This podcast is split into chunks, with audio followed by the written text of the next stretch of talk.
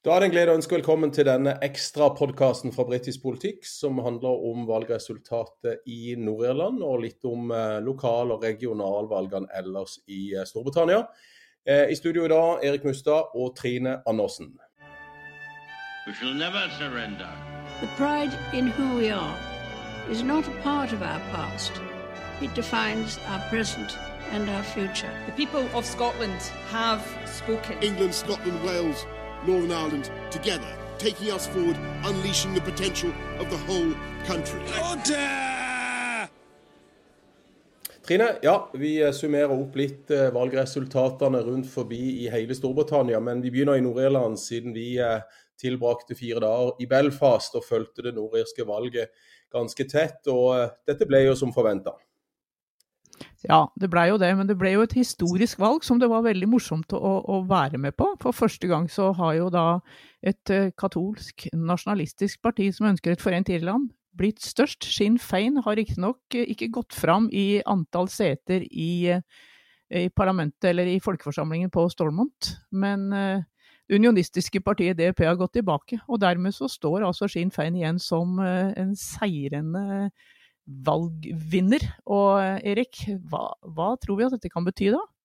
Nei, Vi vet jo ikke enda hvordan dette kommer til å, å spille seg ut. Vi vet jo heller ikke om eh, Det demokratiske unionistpartiet er interessert i å sitte i samlingsregjering med Sinn Fein, rett og slett fordi at de trakk seg i februar fra førsteministerposten pga. Nord-Irland-protokollen. Eh, og det er vel eh, ingen som tror at det er noen umiddelbar løsning på Nord-Irland-protokollen, og dermed heller ikke DUPs ønske om å sitte i eh, provinsregjering sammen med Sinn Fein.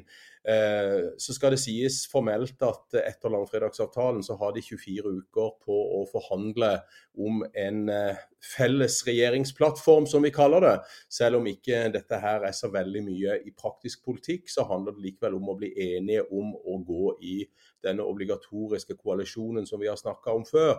Men eh, da vi forlot Nord-Irland, så var det få som trodde at de politiske institusjonene kom til å komme seg opp igjen med det første.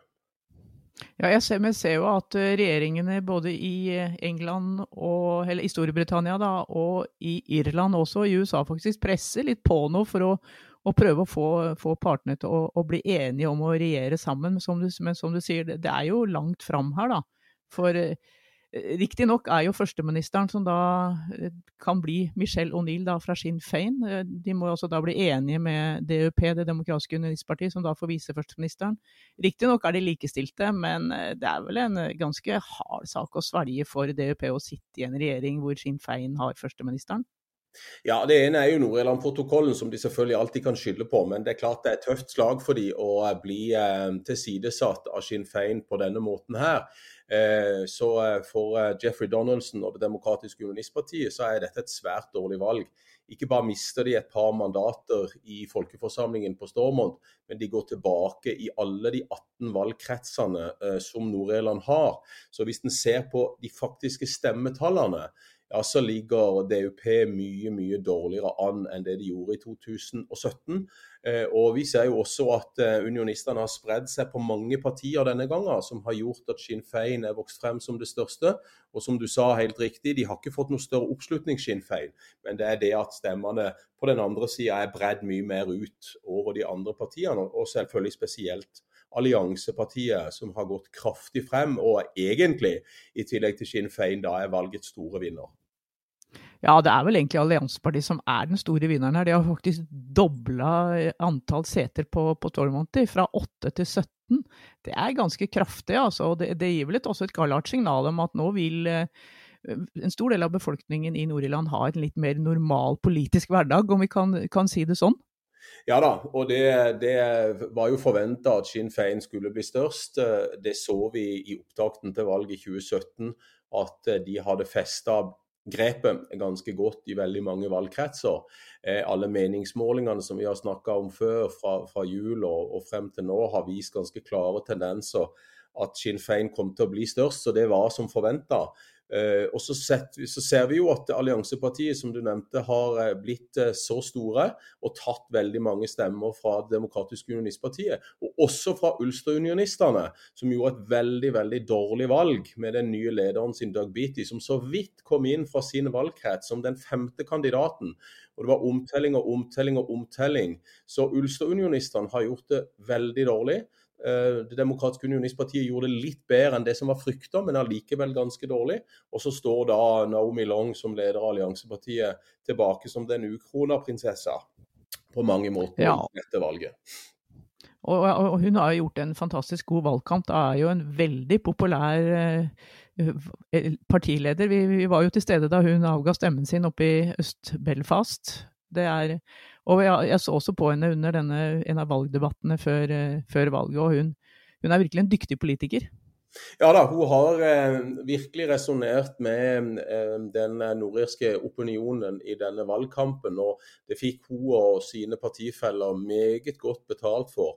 Eh, og fikk jo noen mandater som de overhodet ikke trodde de skulle få òg. Så eh, for henne og partiet har det vært eh, en, en veldig stor suksess. Og, og, denne ideen om at Nord-Irland beveger seg inn i en ny tid, beveger seg bort fra unionisme, nasjonalisme, denne delingslinja som vi har vært så vant til i forhold til politikk, eh, sosiale økonomiske forhold i Nord-Irland. Så det er et ønske nå å bevege seg inn i en ny tid, hvor kanskje en ung generasjon heller ikke da, som vi også har nevnt før, ønsker å definere seg som det ene eller det andre. Men et ønske om å drive Nord-Irland som en helt vanlig nasjon i Storbritannia, eventuelt senere som en gjenforenede part med republikken Irland. Men uh, her er dette tydelige bud om at eh, en ønsker endring i Nord-Irland. Og Alliansepartiet er klare for å være med på den endringa.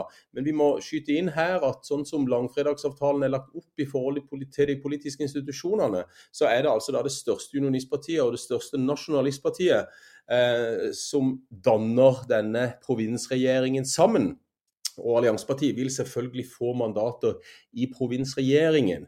Men førsteministeriet, som deles mellom disse to partiene, der vil ikke Alliansepartiet være med. Og det hadde heller ikke vært tilfellet om Alliansepartiet hadde blitt større enn Det demokratiske unionistpartiet. Så her er jo da de politiske institusjonene eh, nokså eh, skjøre. Og, og, det er mye snakk om å endre det politiske systemet i Nord-Irland for å ta opp i seg de endringene som vi, som vi nå ser selvfølgelig i opinionen. Jeg tror det kan presse seg på nå, at det kommer en, enda en ny diskusjon? Dette er jo noe du har snakket om i mange år, Erik, at det må skje noe her?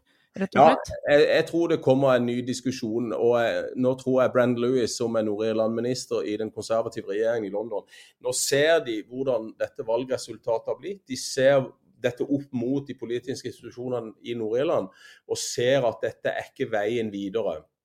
En er nødt til å lage noen andre ordninger, eh, sånn at en kan drive politikk effektivt i Nord-Irland som en gjør alle andre steder fordi at eh, politikken i Nord-Irland er avhengig av denne konsensusen mellom unionister og nasjonalister, og for så vidt også med de andre partiene i provinsregjeringen. Så det er et politisk system som ikke er lagd for den endringen vi er i ferd med å se nå i Nord-Irland. Men vi må jo snakke litt grann, Erik, om dette med et forent, forent Irland, altså en border mm. poll, som det heter. En folkeavstemning da, både Irland og Nord-Irland om, om, et forent Irland. Jeg må jo si her at selv om det vel nå er litt eh, fram i tid, det er vi vel enige om, så, så har jo Sinn Fein fått en helt annen plattform nå for å, å, starte arbeidet med å få i gang en eh, sånn folkeavstemning. Ja det er jo en symbolsk vært viktig seier. Ja da, og unionistene skylder jo på dette hele tida og sier at eh, ja, de snakker bare om denne både pollen, og, og, og, og, selvfølgelig for å bortforklare at de har gjort et dårlig valg. Men eh, det har vært en del snakk om eh, folkeavstemning, og eh, om at Norsk Sinn Fein selvfølgelig spesielt symbolsk er i posisjon til å ut eh, meisle en eller annen form for plan eh, når det gjelder framtida for Nord-Irland. Og Det frykter jo selvfølgelig unionistene. De er livredde for både folkeavstemning og livredde for å ikke vinne disse folkeavstemningene. Men det skal sies at det er ikke noe flertall for gjenforening med Irland på det nåværende tidspunkt. Selv om det snakkes mye om en folkeavstemning så er det verken flertall for å bli i union med Storbritannia, og det er heller ikke flertall for en gjenforening med Irland. Så Sinn Fein har jo annonsert at selv om de ønsker å eh, se på disse nye mulighetene når de nå får førsteministeren, hvis det da blir noen institusjoner som kommer opp og går med det første, så vil de selvfølgelig eh, se om de kan eh, danne en eller annen form for plattform i forhold til hvordan man eventuelt kan få til en, en eh, folkeavstemning på, på, litt mer sikt. Men det, Sinn Fein innser at det er ikke noe flertall for folkeavstemning eh, akkurat nå. og heller ikke noe flertall for en gjenforening med Irland. Så her må de først og fremst vise at de er et politisk parti som er styringsdyktige og bryr seg om folk i Nord-Irland. og ja, kan, eh, kan, være et solid politisk eh, parti. Så, så det er en jobb å gjøre før en kommer dit hen.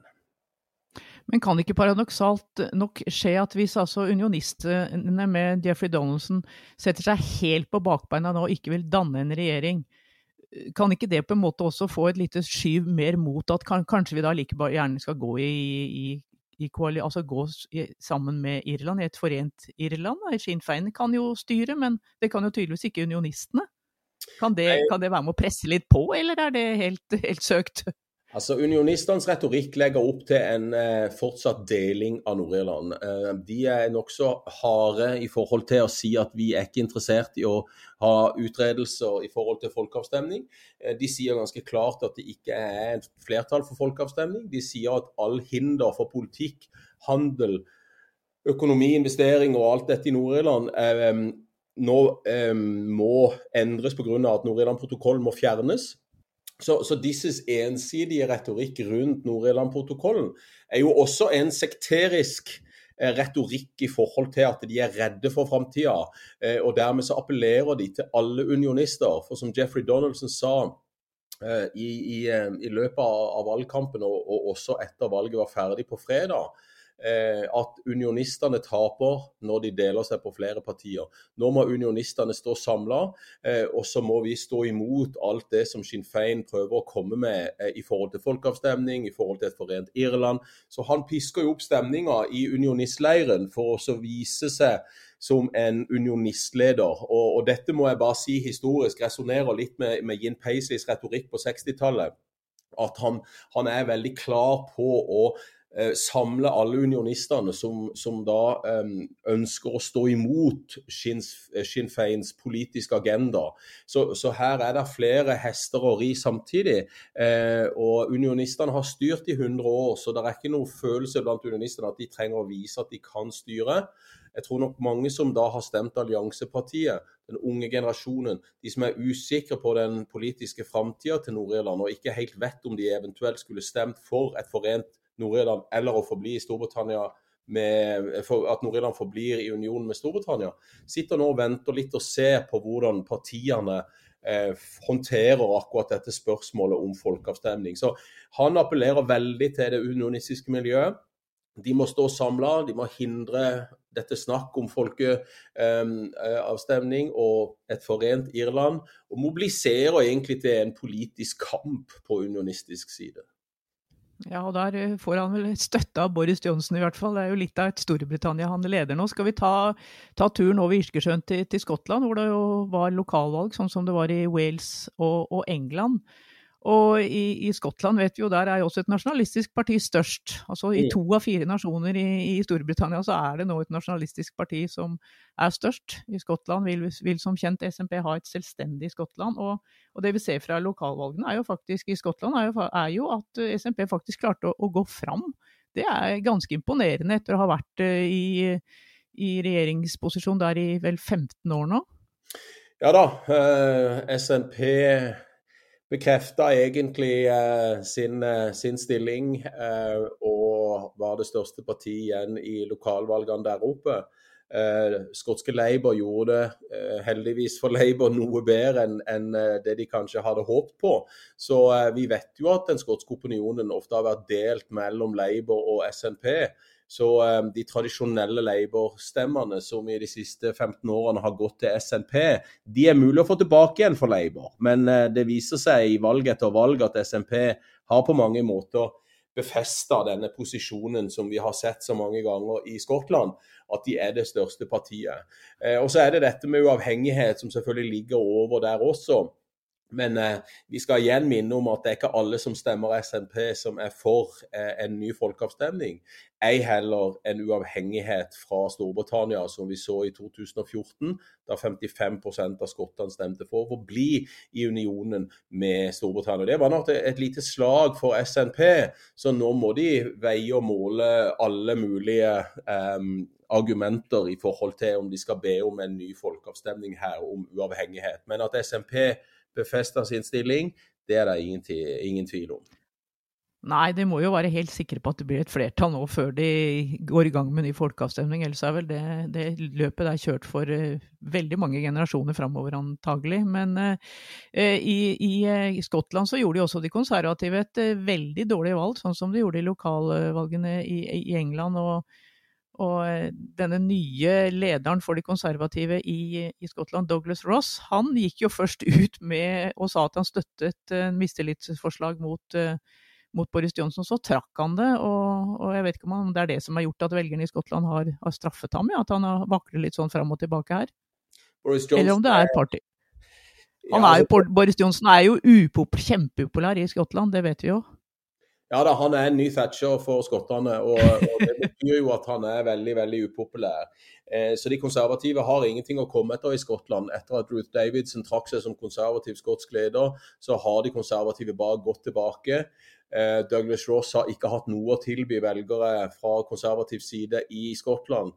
Eh, og hans frem og tilbake med Boris Johnson. Selvfølgelig. Så Det vi ser i Skottland, det vi ser i England, det vi ser i Wales, er at nasjonale interesser har påvirka lokale og regionale valg.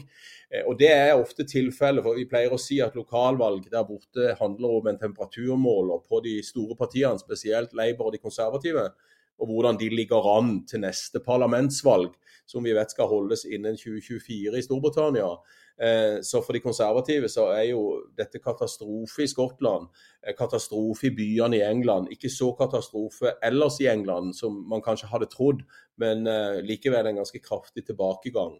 Så at vi har to nasjoner som ønsker ut av nasjonen, sånn som de partiene som, som kommer til å styre nå etter disse valgene her, er jo litt påtagelig i forhold til når en ser hvordan Boris Johnson prøver å sentralisere makten igjen i, i London.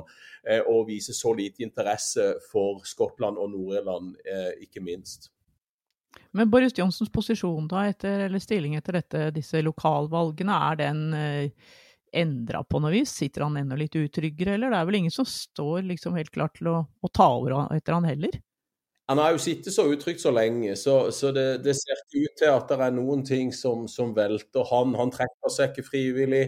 Han er ikke interessert i å diskutere sin egen posisjon. Eh, krigen i Ukraina redda han for noen måneder siden og ser ut til å gjøre at han enda sitter der rimelig trygt. Ingen er klare til å ta over. Eh, at det kan komme flere brev fra de bakre benker i Underhuset til lederen av 1922-komiteen, som overser eh, disse eh, partilederavstemningene og mistillitsvotumene eh, i Underhuset. Det kan godt være. Men foreløpig er det ikke kommet noen rapporter som tilsier at det, det, det, er mer press på Johnson enn det har vært. Og Det har jo nesten vært så mye press. Eh, og Selvfølgelig har Partygate påvirka alt dette her, på en sånn måte at folk ikke gidder å stemme konservativt. Men det visste man på en måte. Så han hadde jo tatt nederlaget før valgene i det hele tatt begynte på torsdag. Ja, og nå begynner det jo å bråke litt i Labour òg. Det kan han vel trøste seg litt med, at, at det er Keir Starmer som har fått overskriftene nå de siste par dager?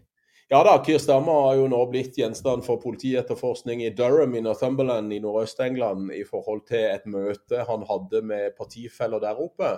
Eh, og Der er jo også kommet eh, meldinger fra Labour internt, spesielt de som støtter tidligere leder Jeremy Corbyn, at eh, hvis Keir Stamer blir funnet skyldig og har brutt reglene, ja, så må han trekke seg, siden han var så hissig på at Johnson skulle trekke seg etter Partygate og alle disse avsløringene som kom mot Johnson og den britiske regjeringen. Så vi får se. Begynner det begynner å rulle i, i alle ender, dette her. Ja, jeg tror vi får mye å snakke om framover, Erik.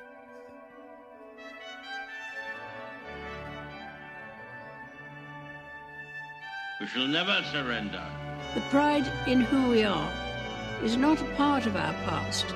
It defines our present and our future. The people of Scotland have spoken. England, Scotland, Wales, Northern Ireland, together, taking us forward, unleashing the potential of the whole country. Order!